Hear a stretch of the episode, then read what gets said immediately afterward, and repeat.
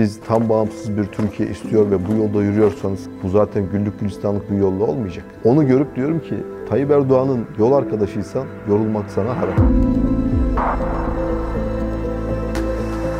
Bizim başarısız olma e, ihtimalimiz yok. Çünkü biz başarısız olursak gençlere olan güven belki siyasette zedelenecek.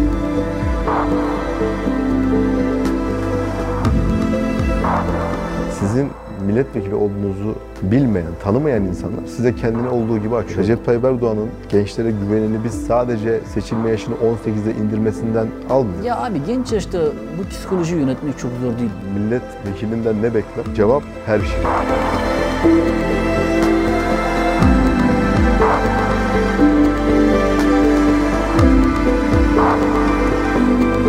Burada da cevabımı şöyle veriyorum. Yani bizim Çanakkale'de ecdadımız bize müreffeh, zengin bir vatan bırakmak için şehit olmadı. Bize bağımsız bir ülke bırakmak için şehit oldu. Siyasette bir Selman Özboyacı figürü var hayatımızda uzun bir dönemdir. Tabii öncesi de vardı ama şuradan başlamak istiyorum programa. Genç bir milletvekili olmak zor mu? Yani genç bir milletvekili olmanın tabii zorlukları da var ama avantajları da var. Benimle alakalı özel bir şey anlatayım. Ben her beni ilk gören insan tarafından aa Türkiye'nin en genç vekil, milletvekili mi diye yaftalanıyorum. Ama e, ben aslında 8. en genç milletvekiliyim. Benden küçük 7 tane daha vekil arkadaşımız var. Ama herhalde en genç görünenleri benim. Bir gün e, böyle siyasette önemli bir figürü olma gibi bir hayal var mıydı küçüklükten bu yana? Yani Yani- ilkokul, ortaokul yıllarında. Ben bir gün milletvekili olur muyum acaba diye aklımdan hiç geçirmedim. Böyle bir hayat hikayem, hay- hayalim, idealim falan da yoktu ama yani üniversite döneminden itibaren bu sosyal işlerin içerisinde yer aldık. Gençlik meclisleri vesaire. Daha sonra gençlik kolları teşkilatlarında uzun süre görev yaptım. Ama yani bir gün bir şey olayım diye hiç yapmadım. Açıkçası hep kendiliğinden doğal, organik bir şekilde gelişti. Görev istenmez verilir. Yani biraz onun uygulaması diyebiliriz evet. Başıma gelen. Ya abi genç yaşta bu psikolojiyi yönetmek çok zor değil mi? Yani ailenden, belki çok küçük yaşlarda çocuklarından fedakarlık yapıyorsun. Bence bir siyasetçi için en önemli belki yıllar sonra ya elini kalbine götürdüğünde ya çocuklarımızın da büyüdüğüne şahit olamadık. Belki ilk kez konuşmasına veya gece ateşlenmesine birçok şeyine şahit olamıyorsun. Zor değil mi bu? Gerçekten çok zor. Onu söyleyeyim. Hatta daha baştan alayım. Yani sadece milletvekili değil de ben ne zaman bu sosyal işlerle ilgili vakit harcasam, ailemi bunlarla ilgili ihmal etsem, daha evlenmeden önce anne babam hep e, şey yapardı. Oğlum sen bu arkadaş çevreni, bu koşturduğun işler yüzünden bizi ihmal ediyorsun. Yanlış yapıyorsun. Bu kadar koşturma bu işlerden vesaire falan diye. Ama milletvekili olduktan sonra tabii ister istemez orada iki yönlü bir şey var. Bir, onların duyduğu bir onur, gurur var. O yüzden birçok şeyi tolere etmesi var. Ama kendi ailem için söyleyeyim. Gerçekten çok zor. Dışarıdan bütün siyasetçilerin söylediği, çocuklarımızın büyüdüğünü göremediği ben bugün yaşıyorum aslında. Yani birçok noktada benim hatta yani kızımın belki de ilk cümlesi ya baba yine mi gidiyorsun falandı. Ama e, bir süre sonra onlar da alışıyor. Biz de alışıyoruz. Bir de teknolojinin şimdi imkanları var. Yani FaceTime'dan FaceTime görüntülü yani. görüşüyoruz her akşam. Özellikle çocuklar benim nerede çalıştığımı görsün, ne yaptığımı görsün diye ben muhakkak muhakkak her gün bir görüntülü konuşma e, yapmak isterim mümkün olduğunca. Bu kadar da hani romantize etmemek lazım ama gerçekten şöyle çok zor. Bir kere milletvekilinin belli bir programı yok. Yani ben Geçen hafta salı günü meclise gidiyordum. O haftaki planım normalde salı, çarşamba, perşembe genel kurulun açık olduğu günler Ankara'da olmaktı. Daha sonra Konya'ya gelip buradaki çalışmalara katılmaktı. Bir anda bir telefon geldi. Dediler ki İsveç'teki Konyalılarla buluşmaya gidiyoruz. Ben akşamına Konya'dan hemen eşyaları hazırladılar, yolladılar. Ertesi gün kalktım İsveç'e gittim. 65 bin Konyalı ile orada buluştum. Yani Evet. bir boyutunu daha söyleyeyim. işin zorluğu anlamında. Bizim net bir görev tanımımız yok milletvekili olarak. Yani bir gün bir tane teyze aradı beni hiç unutmuyorum. Aslında milletvekili eşittir her şey yani. Aynen öyle. Yani bir milletvekili ne Yetkili yapar? abi. Soruyorum bir milletvekili ne yapar? Milletvekilinden ne bekler? Cevap her şeyi. Yani Konya Spor kötü gidiyor. Onu da bizden biliyorlar. Böyle e, iyi bir şey oluyor. sene- Onu da bizden biliyorlar. Zor ya. Ama şöyle bu sene gerçekten kısıtlı imkanlara rağmen çok ciddi bir başarı ortaya koyduğumuzu Evet, düşünüyorum. önemli- önemli bir başarı. Önemli olan bunun kalıcı olması. Trabzonspor'da tebrik ediyoruz bu arada. Anadolu kulüpleri gerçekten bu yıl yani Adana Demirspor, Konya yani futbol izlerken seyir zevkini de ortaya koyan bir e, yapı oluşturdular. Bence bu çok kıymetli bir şey yani. Yavaş yavaş Süper Lig'de de her takım birbirine biraz yaklaşıyor. Bu manada Trabzonspor'un bu iyi gidişi çok önemli ama Konyaspor'un ikinci oluşu da çok önemli. Bunun sürdürülebilir olması da çok kıymetli. Ben inanıyorum inşallah daha da iyi olacak. Ben şunu tamamlayıvereyim. Lütfen. Milletvekilinin bir hani görev tanımı yok dedik ya. Ben bir gün bir telefon aldım teyzenin birinden. Selamünaleyküm aleykümselam. Ya kuzum dedi. Bizim alt komşu dedi iki tane köpek bağlamış havlayıp duruyorlar. Şuna bir el at dedi.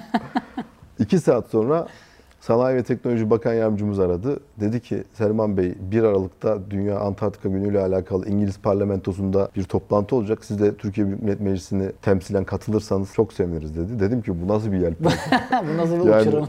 anlatabildim mi? İnsanların milletvekilinden beklediği şeyin e, bir sınırı yok. O yüzden millet her şeyi bizden bekliyor. Bu biraz da şuna bağlı olabilir mi? Bir şey yapmak açısından söylemiyorum ama 2000 yılından sonra insanların vekillere, bakanlara ulaşılabilirliği çok kolaylaştı. Ya ben mesela şeyi hatırlıyorum yani. 96-97 yılında ya bir milletvekili gelecek diye ben kurban kesildiğini biliyorum ya. Bizim kendi kasabamızda bunun onlarca şahidi de vardır yani. Şu an sizin tabii iletişiminiz, sosyal medya, telefon numarası aslında herkes size her an ulaşabiliyor. Bunun getirdiği avantajlar ve dezavantajlar da size yazıyor yani. Tabii. Avantajlar şu, yani gerçekten devleti milletle buluşturmuş bir partidir AK Parti. Bugüne kadar dediğiniz gibi yani siyasetçiler biraz daha böyle az ulaşılabilen, çok daha yukarıda görünen, millete tepeden bakan Ya hatta Türkiye'nin insanlar bilinçaltında şu var işte kart vizitin arkasına yakinimdir yazılan Aynen öyle. yani o dönemleri biliyoruz yani. Köylerde amcalar hala şunu söylüyorlar. Oğlum biz gençken siyasetçiler köyümüze gelirdi. Dediklerimizi yazardı. Çıkarken de çöpe atardı. ben de şimdi diyorum ki amcaya bak artık çöpe atma devri geride kaldı. Benim meclis numaram şu. Meclis numaramızın da bir WhatsApp hattı var. Bir sistem kurduk. Üç buçuk yıldır bize herhangi bir konu için bir şey ileten herkesin onu ne zaman ilettiği, kim tarafından ilettiği, bizim onu ne yaptığımız, onun hakkında ne zaman geri dönüş yaptığımız, olumlu mu, olumlu mu, olumsuz mu sonuçlandığını hepsi kayıtlı. Siz bana mesela bugün bir isim verin. Ben sisteme 5 dakika verin bana. Onun bize ne zaman talep ilettiğini, bizim onu ne yaptığımızı, ona ne zaman geri dönüş yaptığımızın hepsi kayıtlıdır.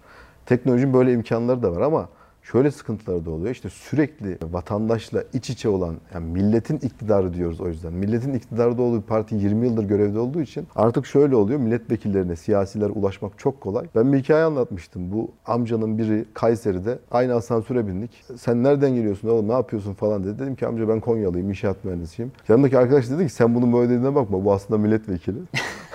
amca dedi ki bir dakika ya dedi böyle genç milletvekili mi olur dalga geçmeyin benimle dedi. İnandı sonra. Sonra dedi ki ya oğlum dedi biz eskiden dedi bir milletvekili görünce Eyuzu Besmele çeker önümüzü iliklerdik dedi. Sen şimdi asansöre bindin benim elimi öptün benim haberim yok dedi. Bu tabii şu açıdan önemli yani. Milletimiz artık siyasetle, devletle, siyasetçilerle çok sık irtibat kurabiliyorlar. Bu da sorunlarının, problemlerinin doğrudan anında çözüme kavuşması anlamında büyük bir imkan.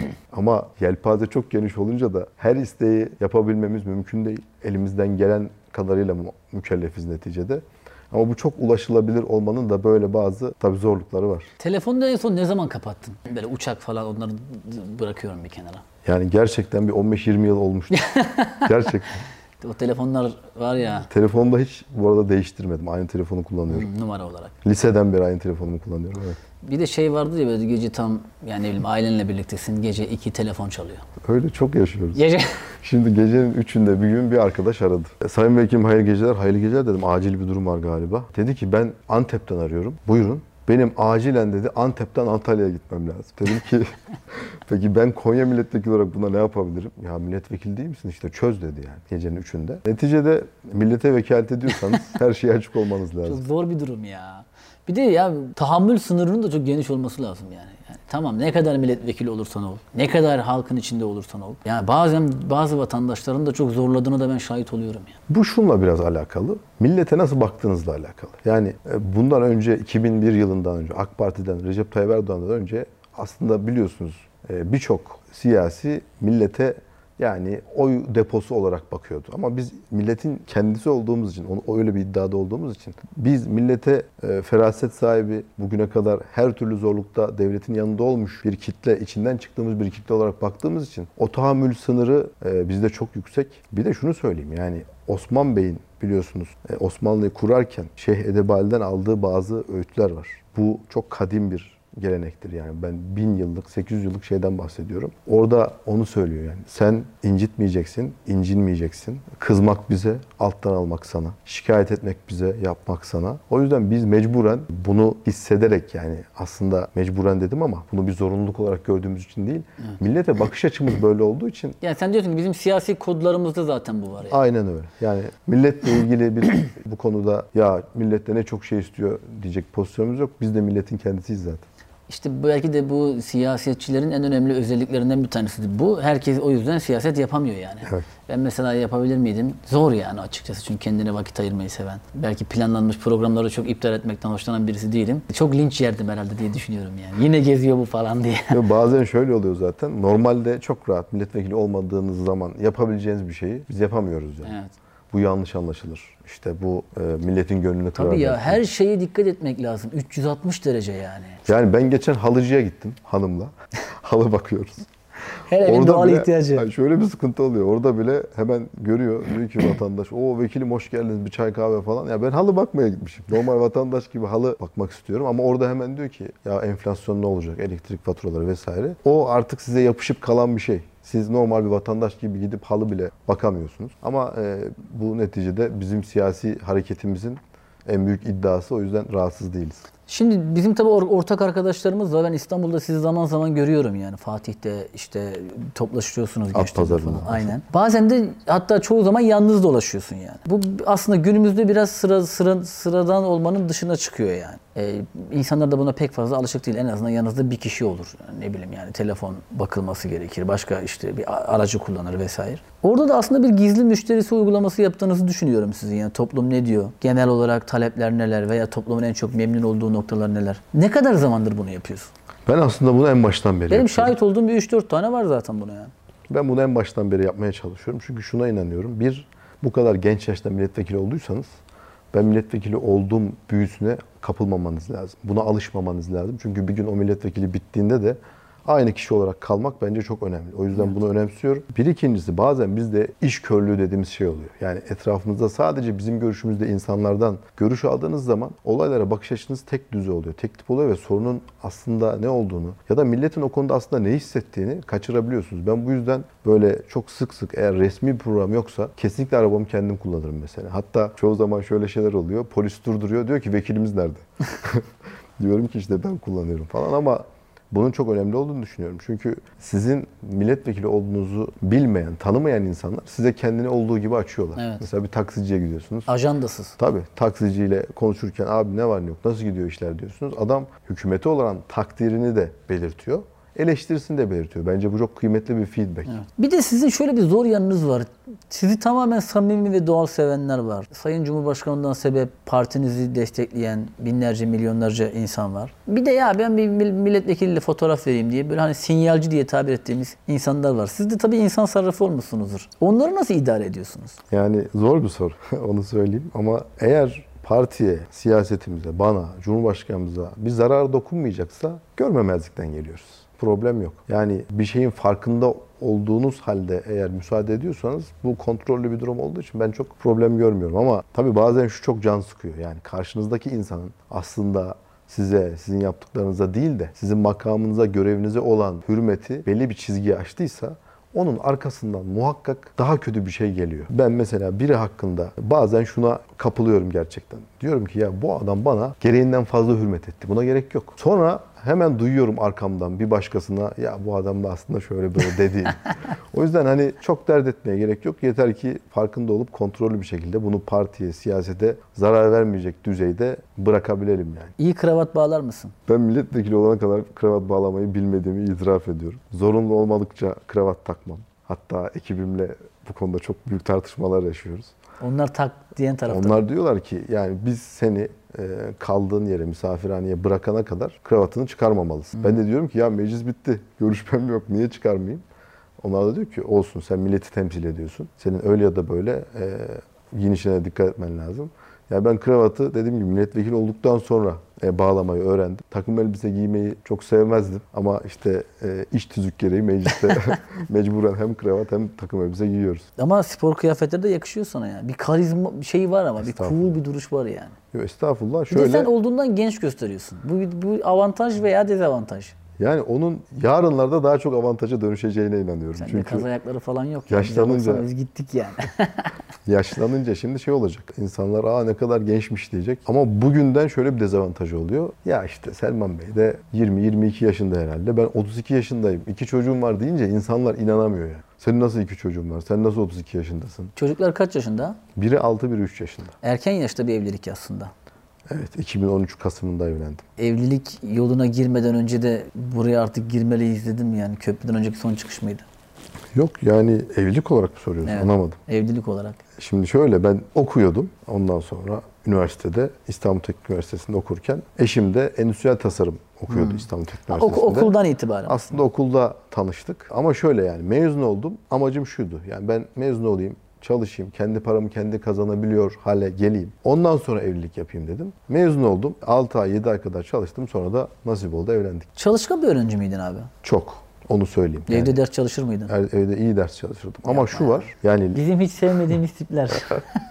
Ama şöyle şunu söyleyeyim ben çalışmayı severdim. Belki şu da çok etkili oldu. Mesela üniversite sınavına hazırlanırken benim abimin eşi vefat etti. Bir kaza geçirdiler. İşte 5 yaşındaki bir yeğenim böyle omuzundan aşağı 6 ay kadar alçılı kaldı. Çok zor bir dönemdi. Herkes şöyle düşünüyordu. Yani Selman zaten bu sene üniversite sınavı kaçtı artık da seneye hazırlanırsın falan diye. O yüzden kimse bana böyle ders çalış ders çalış baskısı yapmadı. Belki de bu beni rahatlattı. Ben çocukluğumdan beri kitap okumayı çok seven bir adamım. Oturdum, çalıştım. Yani üniversitede aldığım puanın 3 ay önce 40 puan daha gerisindeydim ben. Koya koya koya koya koya koya.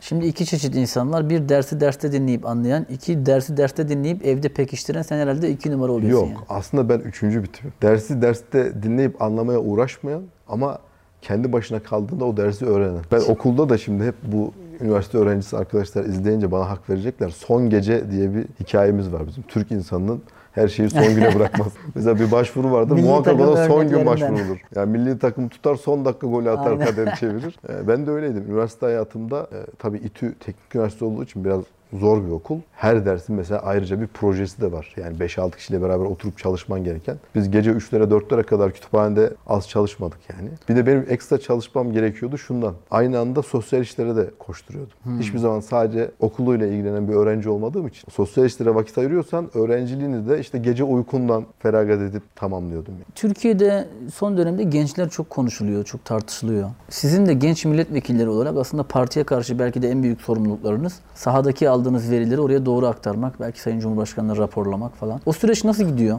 Ben şöyle düşünüyorum. Gençlerin ilgi alanı değişik. Ama biz millet olarak bu konuda farklı bir karaktere sahibiz. Bizim kadar genç nüfusu olan zaten çok nadir ülke var. Mesela Avrupa'da falan bu kadar genç nüfusu olan başka ülke yok. Yok. Biz mesela hiç unutmuyorum ben Konya Büyükşehir Belediyesi Gençlik Meclisi kurduktan sonra bir Avrupa Birliği projesiyle Bulgaristan'a pardon Hırvatistan'a gitmiştik. Orada işte Bulgarlar var, Almanlar var, biz varız, Hırvatlar var. Herkes kendi kurumunun sunumunu yapıyor. Bizim sunumdan sonra dediler ki ya siz bu kadar genci nereden buluyorsunuz? Bir, hadi bu kadar genci buldunuz. Politikaya meraklı bu kadar genci nereden buluyorsunuz? Bu bizim milletimizin karakteri. Her köşe başındaki kahvehanede bizim her gece devlet yıkılır, tekrar kurulur. Herkes devlet meselesi, siyaset meselesi konuşur. O yüzden ben şuna inanmıyorum. Gençler siyasete ilgilenmiyor, apolitik. Hayır. Yani Türkiye Cumhuriyeti Devleti, Devleti'nin sınırları içerisinde yaşayan herkes gibi gençler de politikaya, siyasete ilgili ama ilgi düzeyi belki biraz düşük. Bu partiye, Cumhurbaşkanımıza, hükümete geri bildirim anlamında da şunu söyleyeyim.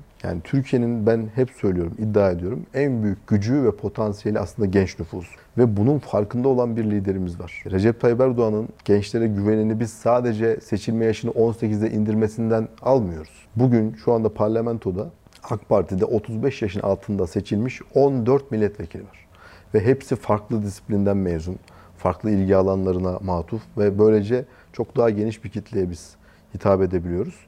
Bir de Cumhurbaşkanımızın bize söylediği şöyle bir şey var. Siz genç milletvekilleri olarak asla günlük kısır tartışmalara takılıp kalmayacaksınız. Siz Türkiye'nin dört bir yanında görüşü ne olursa olsun bu ülke için yapacağı bir fikri olan, bir projesi olan herkese kapınız açık olacak ve bunlarla irtibat kuracaksınız. Bunların fikrini, projesini hayata geçirilmesinde öncü olacaksınız. Onların sorunlarını, problemlerini hükümete, bana, partinin yetkili organlarına taşıyacaksınız. Dolayısıyla biz burada aslında genç milletvekilleri olarak çok ciddi bir görev yapmaya çalışıyoruz. Bir de normal bir milletvekilinin belki yükü 5 ise bizimki 10-15 yani. Bizim Evet. başarısız olma e, ihtimalimiz yok. Çünkü biz başarısız olursak gençlere olan güven belki siyasette zedelenecek. Ama gençler de bu işi yapabiliyormuş hakkıyla dedirtirsek sadece biz önemli değiliz. Bizden sonra gençlerin önü daha açık olur siyaset. Bir de şöyle bir sorumluluk var değil mi? Yani şimdi siz aslında ilk kuşak genç vekillerdensiniz. Ee, dolayısıyla oradaki bir oluşacak olan bir başarısızlık bundan sonra o yolu komple kapatabilir de yani. Cumhurbaşkanımız yine bu konuda bir vizyonu anlatmak için söylüyorum. 2011 seçimlerinde, genel seçimlerinde yine bizim gibi o zaman tabii sınır 30'du. Meclise giren çok sayıda genç vekil oldu. Belki 8, 10, 12 tane.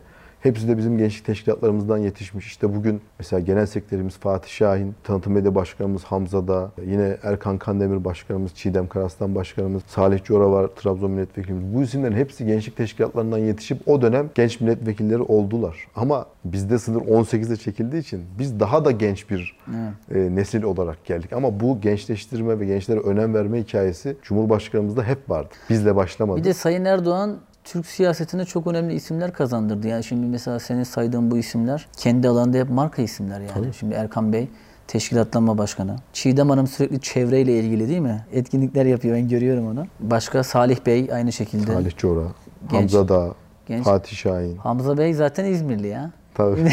İzmir'de bir röportaj Başkanımız. onunla. Hamza Bey de genç gösteriyor ama şey değil yani.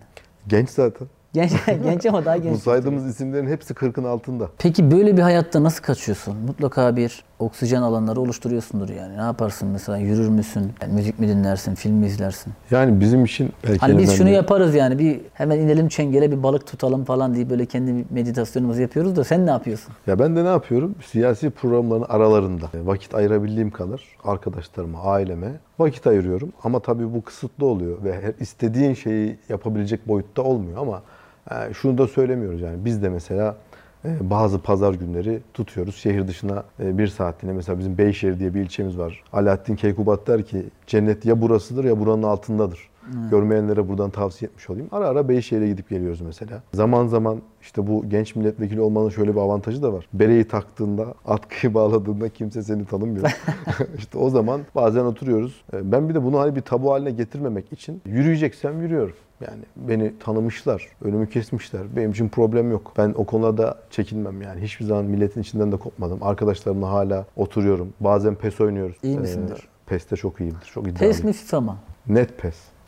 Neden? Çünkü FIFA çok kalıplara sıkışmış bir Ha, oyun. kalıbın dışında Orada şöyle. yani bazı işleri yaparsan böyle tık tık tık golü atarsın ama PES'te e, bence daha özgürsün. Daha özgün hareketler yapabilirsin Ben vesaire. de PES'te çok başarısızım ya. Ama FIFA'da iddialı olan varsa Kapışabiliriz FIFA'da.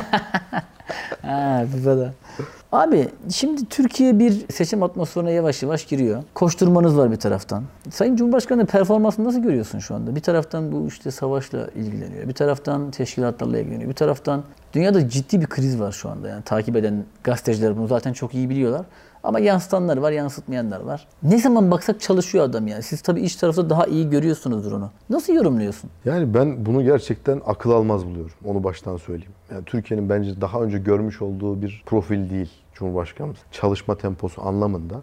Biz genel merkezde çalışıyoruz. Gece 2'de işimiz bitti deyip ineceğiz. Bakıyoruz Cumhurbaşkanımızın aracı orada. Sabah 9 oluyor. Biz zar zor böyle gözümüzü açmışız. Cumhurbaşkanımız bir yerde konuşma yapıyor. İnanılmaz yani ve şu da çok kıymetli. 16 yaşında Beyoğlu Gençlik Kolları Yönetim Kurulu üyesi olarak siyasete başlamış bir lider. O günden bugüne siyaseti hiç bırakmamış. Yoğunluğu hiç bitmemiş. Şimdi bazen hani çok acımasız yorumlar yapılıyor. İşte Tayyip Erdoğan'ın siyasi amacı nedir işte vesaire gibi ama yani şu inanılmaz bir veri. 20 yıldır bir ülkenin liderisiniz. 20 yıldır hiç dinlenmeye fırsat bulmamışsınız. Böyle bir talebiniz de olmamış. Gece gündüz demeden il il dolaşıyorsunuz. Dünyanın dört bir yanında dolaşıyorsunuz ve gık demiyorsunuz. En hiç son, şikayet en son. Covid olduğunda telefonla bağlanmıştı ya. Evet. Pek Al- alışkın değilim diye. Dünya alışık değil istirahat etmeye. Gerçekten öyle ve hani bu bizler için aslında çok iyi bir örnek. Adanmış bir insan e, eğer çok çalışırsa neler başarabilir?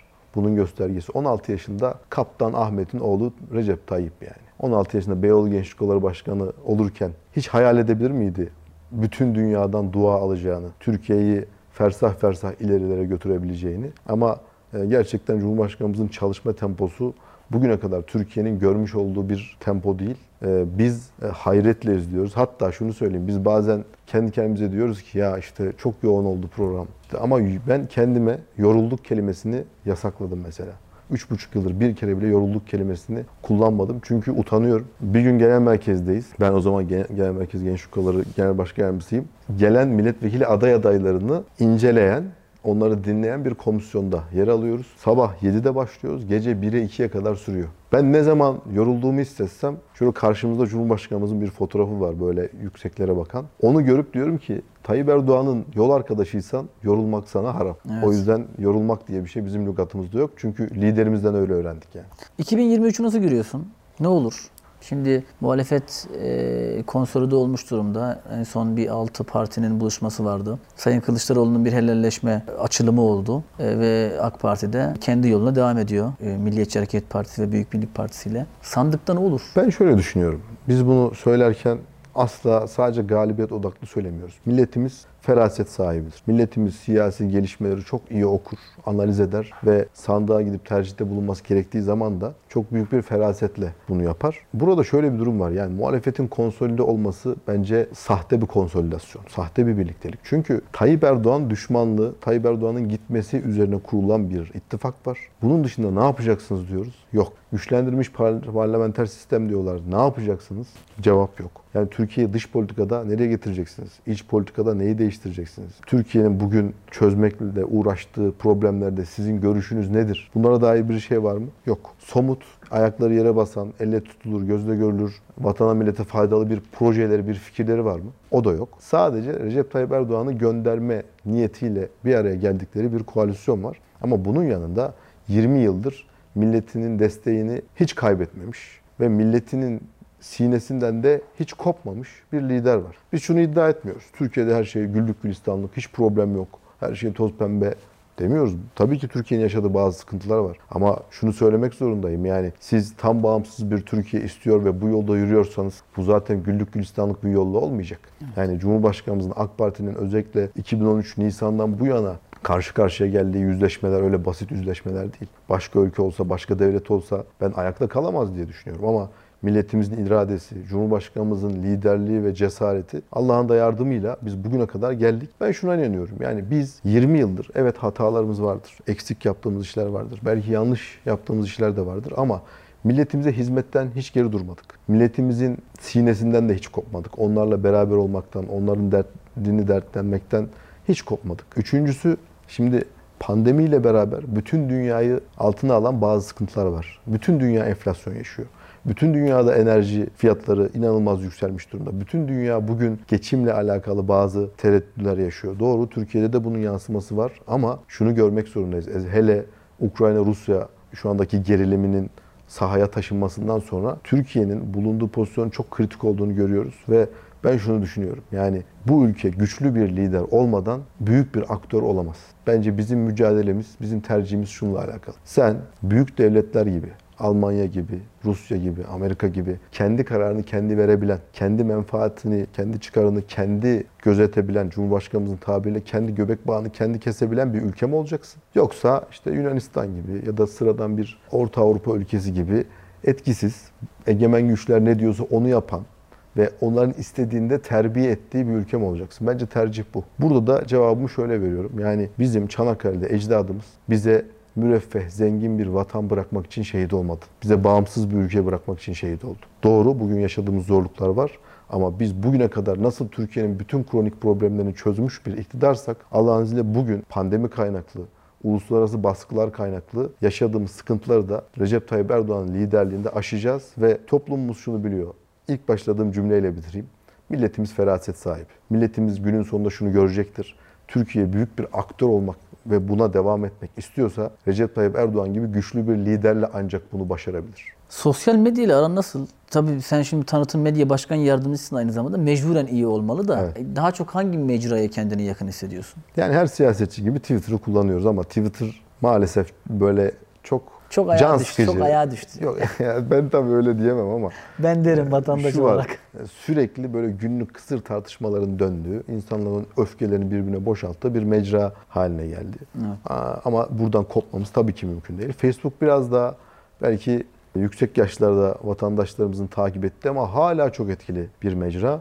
Instagram biraz daha bence insanların kişisel özelliklerini ön plana çıkardığı, çok siyaseti orada kabul etmediği bir mecra. Ben bu yüzden e, bilmiyorum fark ettin mi ama Instagram'da çok böyle e, Daha live. siyaset çok siyaset odaklı bir kullanım yapmıyorum. Orada daha çok Selman kim? Evet, Onu ön plana çıkarmaya ya. çalışıyorum. Tebrik ederim yani. Çünkü e, genelde şöyle şeyler oluyor. Yani atıyor bir tweet'i bir siyasi. Onun ekran görüntüsünü alıp Instagram'da paylaşıyor. Ama bu iki mecranın dinamiği birbirinden çok Kodları farklı. çok farklı. E, YouTube'un Instagram'dan da başka bir dinamiği var. Çalışma algoritması var. TikTok var. TikTok'u asla bence hiçbir siyasetçi küçümsememeli. Oraya da sadece oradaki kötü örnekleri baz alarak ya burada da çok kötü içerikler var. TikTok tam bir işte rezalet dememeli. Çünkü orada da çok ilgi gösteren, orayı çok kullanan öyle de böyle bir kitle var. Bizim benim Valla bayağı temel- iyi bir kitle var orada yani. Tabii. Temel felsefem şu. Yani eğer siyaset yapıyorsanız hiçbir mecradan uzak kalamazsınız. O yüzden sosyal medyayla bizim aramızın kötü olma ihtimali yok. Bir de abi şöyle bir şey oldu yani belki de bu bizim hani şansımız mı, şanssızlığımız mı? Mecralar kendini o kadar iyi geliştiriyorlar ve güncelliyorlar ki işte TikTok çıkıyor hemen sonrasında Instagram o kitleyi kaçırmamak için Instagram Reels çıkartıyor. YouTube, YouTube Shorts çıkartıyor. YouTube Shorts çıkartıyor falan böyle. Sürekli bir yerlere yetişmemiz de gerekiyor yani. Bu da bizi ayrıca yor- yoruyor diye düşünüyorum. Ya bir de bunun yanında tüketim çılgınlığı öyle bir noktaya ulaşmış ki. Şimdi Clubhouse diye bir şey başladı, Ve bitti. parladı, bitti. Twitter Clubhouse'dan ilhamla Space açtı. Space açtı, bitti. Yani e, bir yandan hem bunlara yetişeceksiniz hem bu mecraları en doğru şekilde kullanacaksınız. Gerçekten sosyal medyada yani dijital içerik üreticilerin işi de çok zor. Ama Clubhouse'un ilk günleri çok şeydi, şenlikti ya. Bütün birbirini sevmeyen gazeteciler aynı grupta. Sonra ekran görüntüleri alınıyor. Bak gördün mü o bu grupta bununla yan yana geldi falan filan. Şimdi siyasetçi olmalıyım. Şöyle bir dezavantajı da var. Ya ben bir vatandaş olarak şu gruba girip dinlemek istiyorum kardeşim. evet aynen. Ama girdim ya. Evet milletvekilimiz de bağlandı. Buyurun. Ya ben dinleyici olmak istiyorum ama Top oynar mısın sen kendin? Her Türk erkeğinde ya otomobil ya futbol vardır diye düşünüyorum. ben iyi bir santrafordum. Dum. Dum. Lisede falan böyle gol krallıklarım da vardır. İTÜ'ye gittikten sonra İTÜ İnşaat takımının forvetiydim. Sonra orada bir antrenmanda topum çıktı ve bir süre hiç top oynayamadım. Zor bir şeydir o ya. Bir de tekrar top oynamaya kalktığımda hani eski gücümün olmadığını fark ettim. Sonra bir de ön çapraz bağlardan birini koparınca şimdi sadece böyle ara ara halı saha maçı yapıyoruz Ankara'da. Ama bir şey söyleyeyim mi? Söylerken çok karizmatik oluyor ya. Ön çapraz sağ bağlar. Lifler falan. Futbolda da çok ilginç şeyler Ama var. yapacak bir şey yok. O hani oyuncuların 6 ay sahadan uzak kaldığı hastalıklardan Ama bir sen tanesi. bayağı şey sezonu kapatmışsın yani.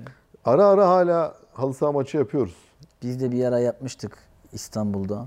Bizi perişan ettiler sonra da o günden sonra. Sizin iyi bir forvete ihtiyacınız var ama doğru adamı çağırmadınız.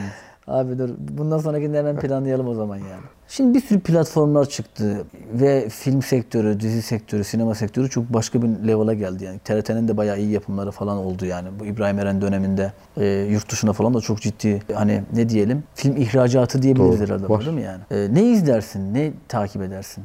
Yani aslında böyle çok benim Ya da böyle günceli takip etmen zor ama ya belki de Ben olabildiğince günceli takip ederim, etmeye çalışırım. Bu zaten bizim gençlerle aynı dili konuşmamızdaki ana belki donelerimizden bir tanesi. Onların dilini anlamak istiyorsanız onların yaptığı, onların zevk aldığı şeylerden de haberdar olmanız lazım. Ben mesela bir gençle oturduğumda çok sıkıştığımda aynı soruyu sorarım. Pes mi FIFA mı derim mesela. Adam der ki nasıl yani?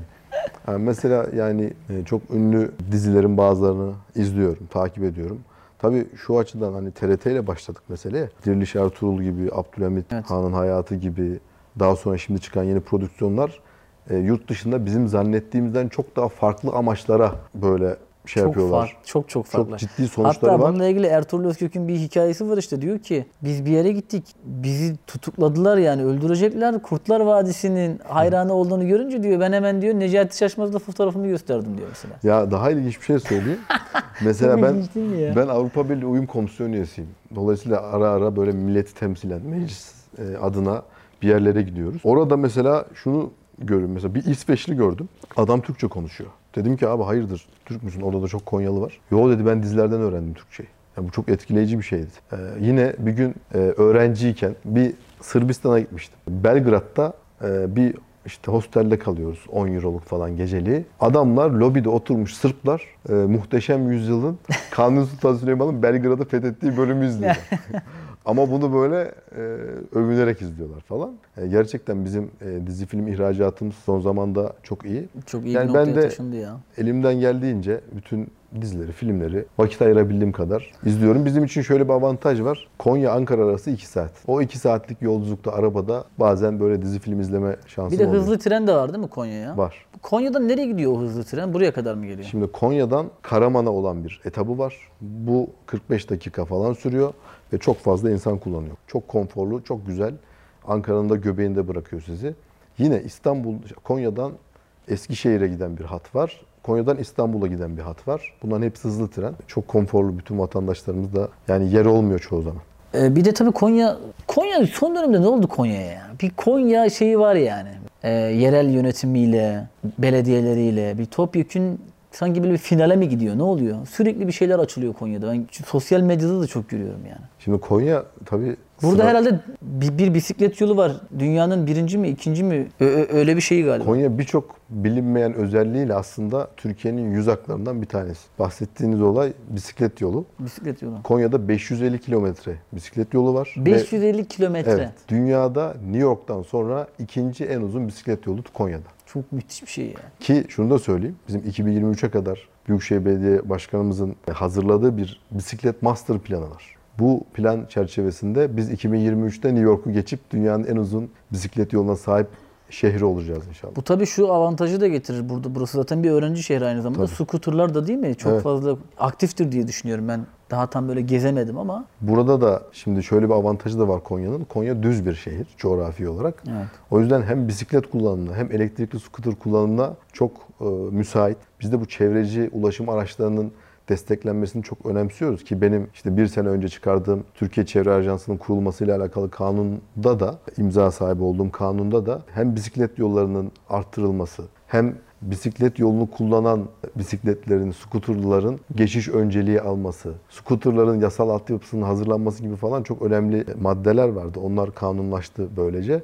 Evet. İstanbul'da da çok var scooter. İstanbul'da da var, Ankara'da da var ve bütün dünyada bu iş gittikçe yayılıyor. Konya buna çok müsait bir şehir. Ama Konya'yı sadece bisiklet yolundan ölçmekle Yok canım, Konya'ya haksızlık olur. Ya öyle demedim ya. Hemen siyasetçi ya. Başka şeyler de anlatayım yani Konya deyince şimdi. Şey var ya bu e, Finale mi gidiyor dedin ya. bisiklet yolu 550 kilometre çok etkileyici bir şey yani. Evet. Yani inanması güç Kaç ama insan biliyordur bunu? Konyalıların Tamam, çoğu bilir. biliyordur. Şöyle Tüm tamamı Türkiye genelinde. Yani tamam derken Konya'nın merkezinde 1 milyon 400 bin kişi yaşıyor. Taşra'da 1 milyon 100 bin, 1 milyon 50 bin kişi yaşıyor. Merkezdekilerin tamamı zaten buna vakıf. İlçedeki vatandaşlarımız da merkeze geldikçe gittikçe bunu biliyorlar, kullanıyorlar. Konya gerçekten Türkiye'de belki en çok bisiklet kullanılan da şehirdir. Yani burada bisiklet kültürü hep vardır. Hatta bizde bisiklete özgün bir isim de var. Velespit. Yani Konyalıların e, has Konyalılar bisiklete velespit derler. Ama bu konuda tereddüt yaşayanlar varsa buyursun gelsin gezdirelim. 550 kilometre yolumuz var ya. 550 kilometre abi git. Ve çok sık kullanılan yollar bunlar. Daha ilginç şeyler. Bir de şeyi soracağım Bisiklet abi. tramvayı var. Bisikletliler mesela yani kilometrelerce gidemezler belki. Evet. O yüzden belli bir noktada bisiklet tramvayı dolanıyor. Bisiklet tramvayına biniyorsunuz bisikletinizle. Gitmek istediğiniz yere kadar gidiyorsunuz. Tramvaydan iniyorsunuz, bisiklete devam ediyorsunuz. Mesela bisiklet üst geçidi, kavşağı var. Siz bisikletle terse gitmek isterseniz yolun ortasından geçemeyeceğiniz için üst geçitle bisikletten dönüyorsunuz, geri geliyorsunuz. Bunun gibi çok Ya yenilikçi şu an böyle gözümü var. kapatsam buranın Konya olduğunu bilmesem İsveç falan derim herhalde yani. İnanması zor ama Konya'da bunların hepsi var. Bir de bir ara şey çıktı ya sosyal medyada bir replik çıktı ya Konya yolundayım diye. Hatta Gonya yolunda. Aynen ben öyle demeyeyim dedim şimdi belki Konyalılar kızar o şeyi bilmiyorum jargonu bilmiyorum yani. Onun Konya'ya katkısı oldu mu? Tabii katkısı oldu. Ee, Konya yolunda olan çok vatandaş var. Yani Bir de orada tam geçiş yolu değil mi abi yani? Tabii tabii. Buradan e, 20-25 tane ile geçiyorsun yani. Yani çok ilginç bir şey söyleyeyim. Çoğu ilin bir girişi bir çıkışı 2-3 tane vardır. Konya'nın 9 çıkışı var. Ve Konya'nın bir ucundan bir ucu 590 kilometre. O yüzeysel olarak da çok büyük Tabii. yani. Hatta ilginç bir veri daha vereyim. İstanbul'da yani yaklaşık 20 milyon kişi yaşıyor diyelim. 20 milyonluk İstanbul'un su ishale boru hattı uzunluğuyla 2,5 milyonluk Konya'nın su ishale boru hattı uzunluğu aynı. Yani o kadar yerleşik ve yaygın bir şehrimiz var. Bu tabi buradaki yerel yönetimler açısından da çok zor bir süreç değil mi yani? Tabii ki. Burada hizmet etmek e, mesela şöyle hani İstanbul'da Beyoğlu'yla Esenyurt'ta belediye başkanı olmak arasında çok ciddi bir fark var. İşte veya Beşiktaş'la Beylikdüzü. Beylikdüzü ikisinin belediye başkanı olması arasında çok ciddi bir fark var yani hizmet olarak da. Mesela Beyoğlu'nda ne yaparsan yap haber olursun. Beşiktaş'ta ne yaparsan yap haber olursun. Ama Esenyurt'ta bir şey yapman için, haber olman için iyi bir şey yapman lazım. Basın mensubu oraya gelecek, o kadar yolu tepecek vesaire vesaire vesaire. O iş başka bir yerde olmamış olacak falan filan. Şimdi Konya'da baktığın zaman dağılmış bir yerleşke var o zaman. Köyler Tabii. vesaire vesaire ve bütün herkes hizmet bekliyor yani. Dağın tepesine de bir elektrik, su, doğalgaz, işte yardım götürmen gerekiyor. Şehir merkezlerine de götürmen gerekiyor. Şimdi Konya'nın 31 ilçesi var. Evet. İstanbul'dan sonra en çok ilçeye sahip 31 il ilçe. Konya. 31 ilçesi. Kaç kaç AK Partili? Şu anda Hepsi diyor. yok bir ara hepsiydi de. Şu anda bir CHP'li var. iki bağımsız var. Dolayısıyla 28. e, 28 tane Konya Belediyesi. Çok büyük AK bir Parti başarı değil mi ya bu? Ama şöyle şimdi az önce de buna değinecektim. Konya AK Parti ve Recep Tayyip Erdoğan'ı partinin kurulduğu ilk günden beri hiç yalnız bırakmadı. Hep en yüksek desteği verdi. Bu yüzden de Konya'ya yapılan her yatırım Konya'nın doğal hakkıdır. Cumhurbaşkanımız da buna e, hep böyle yaklaşır. Yani Konya bizi hiç bırakmadı, biz de Konya'yı hiç bırakmayız diye. Şimdi Konya'nın 260 kilometre uzaklıkta da bir ilçesi var. Tam tersi güneye inin. Ben Taşkent Balcılarlıyım. Bizim köyümüzün rakımı 1900 falan. Dağ başında. Yürüyüz zaten. Sakal çıkmıyor gözler çekik. Ee, Ama onun bir karizması var yani. Estağfurullah. Benim köyüm yani Konya merkeze 190 kilometre. Şimdi siz Taşkent Bağcılar'a da hizmet götürüyorsunuz 190 kilometre buraya. Evet.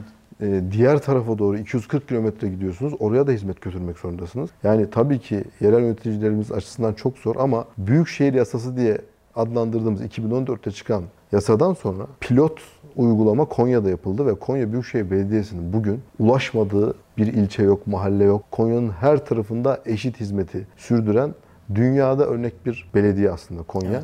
Yani bu başarı tesadüf değil onu Ama söyleyeyim. şey tabii yani Konya Büyükşehir Belediyesi de bayağı marka yani. Hani belediye başkanı da aynı şekilde öyle yani. Hemen suya %14 indirim yaptılar ya. Ve başkanımız gerçekten daha önce Selçuklu Belediye Başkanımızdı. Şimdi Büyükşehir Belediye Başkanımız, halkımız, milletimiz de Konyalı da onu çok seviyor. Ee, Biz de çok seviyoruz. İnşallah uzun yıllar daha Konya'ya hizmet İstanbul'da eder. İstanbul'da Beyoğlu, Konya'da Selçuklu mu? Yani diyebiliriz. 650 bin Hemen nüfusu var. fitili ateşleyeyim burada. Şimdi senin buradan sonra da bir sürü programlar falan zor ya. Pazar günü mesela. Birçok insan gidecek maç izleyecek şimdi. Siyasetçinin pazarı olmaz.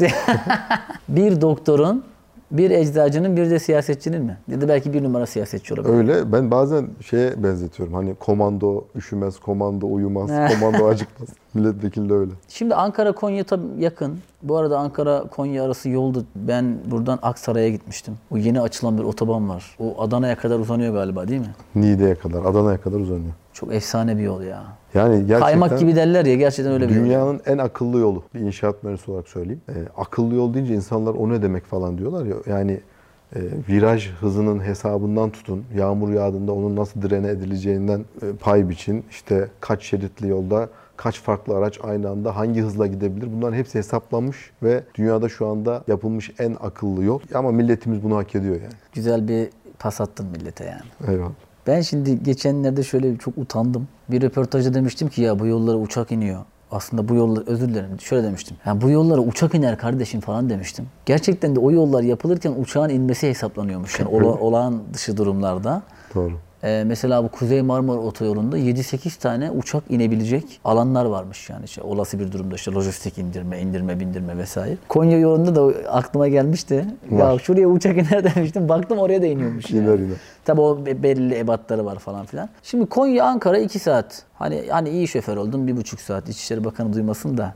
Arkadan EDS'ler geliyor sonra. Ankara'da mı yaşıyorsun? Konya'da mı yaşıyorsun? Yoksa iki ayrı ev mi var? Siyasetçilerin bu yönü tabii biraz zor yani. Şöyle sizin haftada 3-4 gün en az Ankara'da bulunmanız lazım bir milletvekili olarak. Evet. Genel kurul çalışıyor çünkü.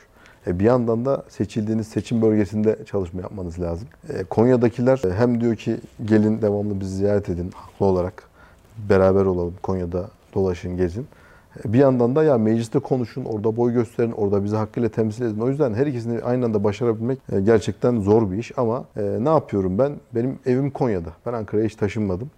Bir ara taşınmayı düşünür gibi oldum ama Cumhurbaşkanımızla G20 zirvesinde Arjantin'de beraberdik. Oradan dönüşte bir, bir saat kadar bir konu üzerinde müzakere ederken dedi ki Selma sen ne yapıyorsun? Nerede kalıyorsun? Dedim ki efendim ben Konya'da yaşıyorum. Eşim, çocuklarım, evim Konya'da. Salı sabah çıkıyorum. Salı, çarşamba, perşembe Ankara'da misafirhanede kalıyorum. Perşembe gece de işimiz ne zaman biterse lojman Konya'ya mı dönüyorum. misafirhane mi? Misafirhane, lojman dönemi AK Parti ile beraber son buldu. Yani milletvekilleri kalacak yerini kendi ayarlıyor. Milletvekillerinin aracı kendine ait. Milletvekillerinin yakıtı kendine ait. Genelde hani sanki bunları devlet veriyormuş gibi anlatılıyor ama öyle değil. Ben misafirhanede kalıyorum. Perşembe günü ya da cuma günü işim ne zaman biterse de e, gece 3'te 4'te ya da sabah hemen Konya'ya geri dönüyorum. Cumhurbaşkanımız da dedi ki sakın Ankara'ya taşınma. Ankara'ya taşınırsan Ankaralı olursun. Bizim sana Konya'da ihtiyacımız var. Çok akıllıca bir şey ama bir şey söyleyeyim mi? Yani Öyle tabii. O zaman herkesleşmek diye bir şey var ya tabii ki taşınanlara saygı duyuyoruz. Yani orada olması gerekenler olabilir. İşte bir sürü mecliste divan var falan filan bir sürü kapsamda.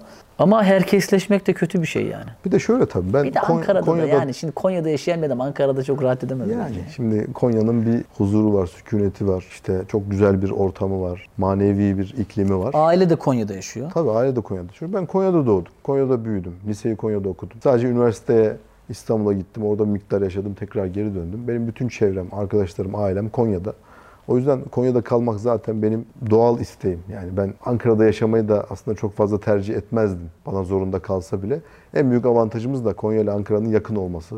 Hızlı trenin olması, işte karayolunun güzel O da olması. Konya vesaire. şansı. Son olarak şeyi soracağım abi ne dinlersin? Mesela bir Müslüm Gürses dinler misin yani? Arabada giderken şöyle açayım bir coverlanmış son versiyon. Şimdi şu aşağıda arabaya insek, oradaki USB'yi açsanız bana gülersiniz. Yani Spotify mesela kafayı yiyor ben eminim benim listemden. Çünkü ben aynı yıl Müslüm Gürses konserine de Metallica konserine de gitmiş bir adamım İstanbul'da öğrenciyken. Ee, Gerçekten müzik zevkim benim çok çeşitlidir. Ben Türk popunu hiç sevmem. Yani sanat müziği falan bana biraz sıkıcı gelir. Onun dışında türkü, halk müziği, işte rock, metal, arabesk hepsini Sö- dinlerim. söyler misin? Yok, ses Allah vermemiş. Öyle bir yeteneğim Hiç yok. deneme oldu mu yani böyle arkadaş ortamında? Bazen böyle bir ortam olur ya kıramazsın. Hadi bir tane de sen patlat derler. Bir iki kere denedim. Arkadaşlarım dedik sen bir daha deneme.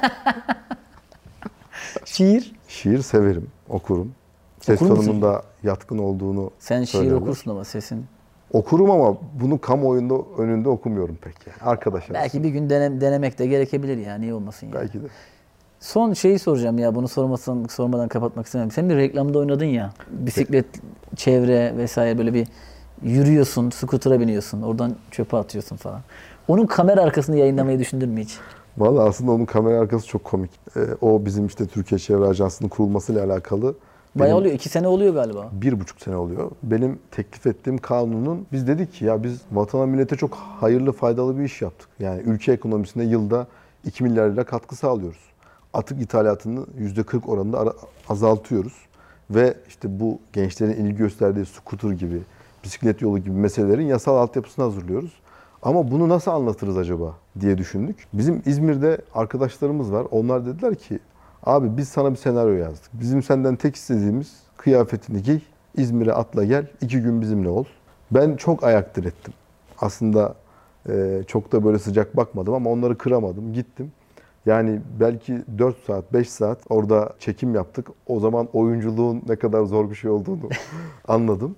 Hatta şöyle yani filmi bitirdiler arkadaşlar, montajladılar. E, bu arada o filmde kat yok. Tek Direkt. çekim 2 dakika, tek sefer. Yapma Yani ya. Montaj yok, kat yok. Çok Burada iyi. teknik arkadaşlar bilir. Arkadaşlar o yüzden şey dediler yani bir gün milletvekilliğini bırakırsan oyunculuk yapabilirsin. O Ama yetenek fena var bir, diyorlar. fena bir... Ben mesela ilk başlarda çok beğenmedim. Sonra izledikçe şarkı gibi aslında güzel olmuş, güzel olmuş. Fena bir reklam filmi değildi yani. Yani şöyle oldu aslında biz yaptığımız işi millete, gençlere nasıl aktarabiliriz diye düşündük. Güzel bir iş ortaya çıktı ama ben yine de çok aslında paylaşılmasına ilk başta cesaret edemedim. Ama arkadaşlar dedi ki abi bu kadar emek harcadık. Evet. Bunu harcam, bunu paylaşmazsan çok yazık 4 olur saat dediler. kardeşim. Ben onu paylaştım, kenara koydum telefonu. Bir buçuk saat sonra aldığımda yani milyonlarca izlenmişti. Toplam 6,5 milyon izlendi. Çekim ar- şey kamera arkasını yayınlamayı düşünür müsün? Kamera arkasını zaten bir yayınlamıştık o dönem. Ben, Böyle kısa ben bir kaçırdım mı ya onu? kısa bir kamera arkası yayınlanmıştı ama ya bilmiyorum. Çok ısrar edersen sana izletebilirim belki ama. Abi ben valla istiyorsan biz yayınlamak için yayıncı kuruluş olabiliriz yani. Çok ucuza teklif verebiliriz yani. Abi Kimler çok istedi yayınlatmadık. Ha, kral. Çok Çok keyif aldım. Ee, biz tabii sizi görüyoruz yani. İşte Türkiye'nin çeşitli muhtelif yerlerine gidiyorsunuz, geliyorsunuz. Bazen çok ciddi olmanız gerekiyor. Bazen çok e, samimi ortamlar içerisinde bulunuyorsunuz ama birebir sohbet benim açımdan da hem daha iyi tanışmak açısından da çok kıymetli ve keyifli oldu. Mesela e, bence Ankara'da bir misafirhanede kalıyor olman e, çok önemli bir şey. Bunu şu ana kadar niye hiç deklare etmedin? Şimdi benim hemen aklımda o bir, bir sürü soru işareti oluştu yani.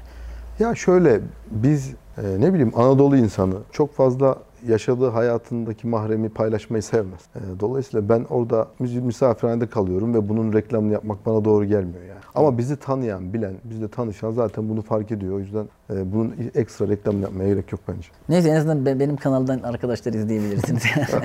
Arkadaşlar bugün e, AK Parti Konya Milletvekili Selman Özboyacı ile birlikteydik.